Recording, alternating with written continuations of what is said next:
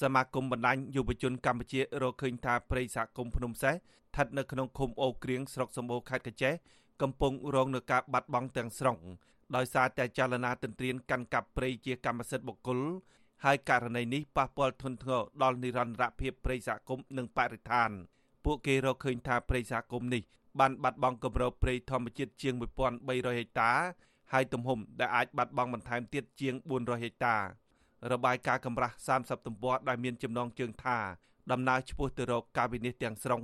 នៃព្រៃសហគមន៍ភ្នំសេះបង្ហាញថាសមាគមបណ្ដាញយុវជនកម្ពុជាបានចុះទៅអង្កេតនិងស្រាវជ្រាវដោយប្រើឧបករណ៍ប្រមូលទិន្នន័យថតវីដេអូឧបករណ៍តាមដានប្រព័ន្ធកំណត់ទីតាំងសកលឬ GPS សម្ភាសជាមួយនឹងសហគមន៍និងចុះត្រួតពិនិត្យទីតាំងកັບទន្ទ្រានដីព្រៃជាក់ស្ដែង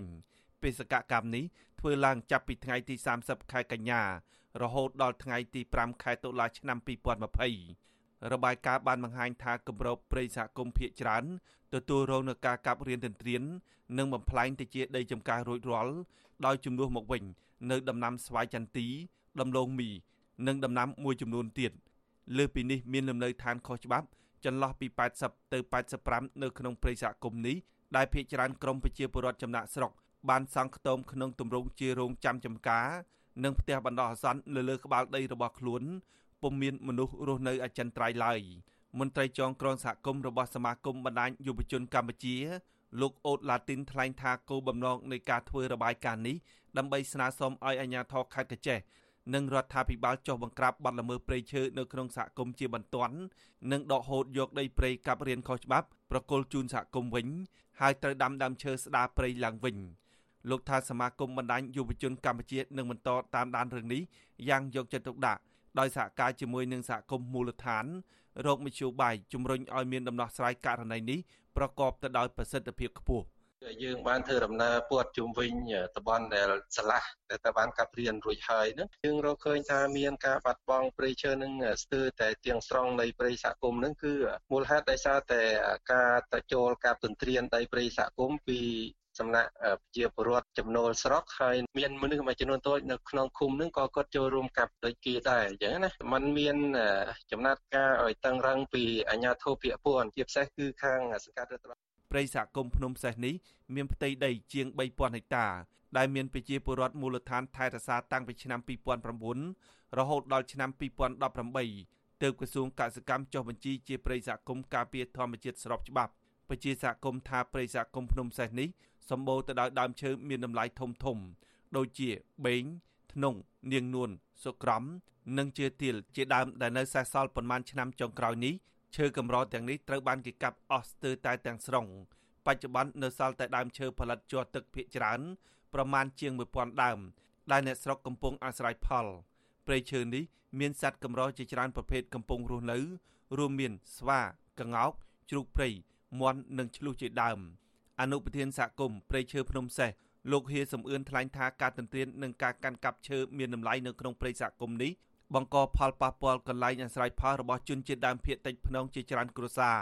លោកថាសហគមន៍មានគ្នាតិចតួចមិនអាចការពារព្រៃសហគមន៍នេះឲ្យបានគ្រប់ជ្រុងជ្រោយឡើយព្រោះប្រជាពលរដ្ឋចំណាក់ស្រុកបានមកពីតំបន់ផ្សេងៗរាប់សិបនាក់កំពុងសម្រុកទន្ទ្រានកាន់កាប់ព្រៃទាំងយប់ទាំងថ្ងៃ លោកបារម្ភថាប៉ះសិនបើអាជ្ញាធរមិនពន្លឿនដំណោះស្រាយបញ្ហានេះទេកន្លែងអាស្រ័យផលព្រៃឈើដ៏សំខាន់របស់អ្នកភូមិ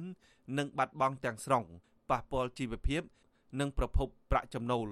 វានិយាយរួមទៅកាប់ហើយដាំកាប់ហើយដាំហើយចន្ទីនឹងលឿនណាស់គ្រូទៅ2ឆ្នាំមួយឆ្នាំនឹងលេចក្បាលហើយដីព្រៃចាស់នោះបាទឥឡូវនឹងពត់ជំវិញភ្នំហ្នឹងគ្រូព្រួយបារម្ភខ្លាចបាត់បង់ព្រៃជំនឿហើយនឹងកន្លែងអាស្រ័យផលរបស់យើងហ្នឹងគ្រូហើយជាពិសេសបាត់បង់ព្រៃសហគមន៍ទៅមូលហ្មងវាមានឯកសារពាក់ព័ន្ធគ្រប់គ្រងតាមចំណុចស៊ូនដល់ប្រកាសអញ្ចឹងណាគ្រូ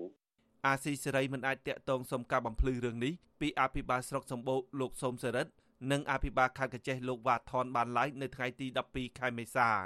ចំណែកនាយខណ្ឌរដ្ឋបាលព្រៃឈើខេត្តកញ្ចេះលោកត្រីសុភ័ក្រវិញក៏អាស៊ីសេរីមិនអាចតាក់ទងបានដែរ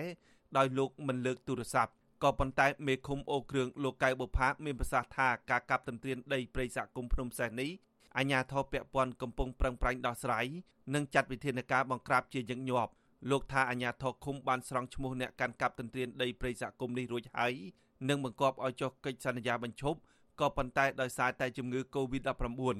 ធ្វើឲ្យរាំងស្ទះការដោះស្រាយបញ្ហានេះលោកសង្កត់ធ្ងន់ថាបើទោះបីជាមានការកាន់កាប់ទន្ទ្រានក្តី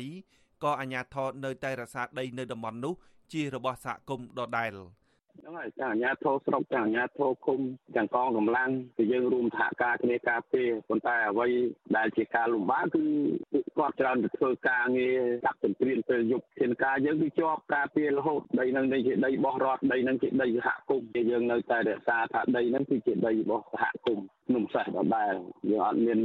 ពុះដៃទេប៉ុន្តែដោយសារកូវីដ19 ការជួបជុំមិនអាចទៅរួចរបាយការណ៍របស់សមាគមបណ្ដាញយុវជនកម្ពុជាបានបន្ថែមថា ការកាប់ទន្ទ្រានដីព្រៃកាន់កាប់បានគម្រាមកំហែងដល់ជីវភាពរស់នៅរបស់សហគមន៍មូលដ្ឋាន ជនជាតិដើមភាគតិចភ្នងដែលមានទម្លាប់ដកហូតអនុផលព្រៃឈើបំរើជីវភាពជាច្រើនទសវត្សរ៍មកហើយអ្នកភូមិប្រឈមនឹងការបាត់បង់ទីកន្លែងជំនឿរបស់ជនជាតិដើមភាគតិចភ្នងដែលហៅថាទីជំនឿភ្នំសេះលើពីនេះទៀតប្រជាពលរដ្ឋចំណូលស្រុកថ្មី បានទិញដីនិងកាប់ទន្ទ្រានដីព្រៃកាន់កាប់ជាកម្មសិទ្ធិសម្រាប់ដាំដំណាំកសិឧស្សាហកម្ម ហើយក៏មានអ្នកភូមិខ្លះទៀតកាន់កាប់រៀនទន្ទ្រានដីព្រៃដើម្បីពង្រីកជាដីចម្ការរបស់ខ្លួនកាន់កាប់ជាកម្មសិទ្ធិដោយខុសច្បាប់ក្នុងបំណងដាំដំណាំផ្សេងផ្សេងដូចជាស្វាយចន្ទីនិងដំឡូងមីជាដើមសកម្មភាពកាប់រៀនទន្ទ្រាននេះជាទង្វើខុសច្បាប់ភូមិបាលនិងច្បាប់ស្ដីពីព្រៃឈើសមាគមបណ្ដាញយុវជនកម្ពុជារកឃើញថាការអនុវត្តច្បាប់និងការបំពេញការងាររបស់អាជ្ញាធរពាក់ព័ន្ធនិងរដ្ឋបាលព្រៃឈើនៅមានកម្រិតនៅឡើយ។ កាលពីឆ្នាំ2019រដ្ឋបាលខេត្តកញ្ចេះបានចេញលិខិតចំនួន2លើកដោយស្នើសុំឲ្យបញ្ឈប់ការចូលកាន់កាប់ទន្ទ្រានដីព្រៃសហគមន៍ភ្នំសេះបើទោះបីជាមានសេចក្តីជូនដំណឹងនេះមានការប្រមានធ្ងន់ធ្ងរក្តីតែសកម្មភាពកាត់រៀនទន្ទ្រានដីព្រៃខុសច្បាប់ នៅតែបន្តកើតមាន និងមានសភាពធ្ងន់ធ្ងរដែលអាចធ្វើឲ្យព្រៃសហគមន៍ភ្នំសេះប្រឈមនឹងការបាត់បង់ទាំងស្រុងនៅពេលអនាគតខ្ញុំបាទហេងរស្មី អាស៊ីសេរីពីរដ្ឋធានី Washington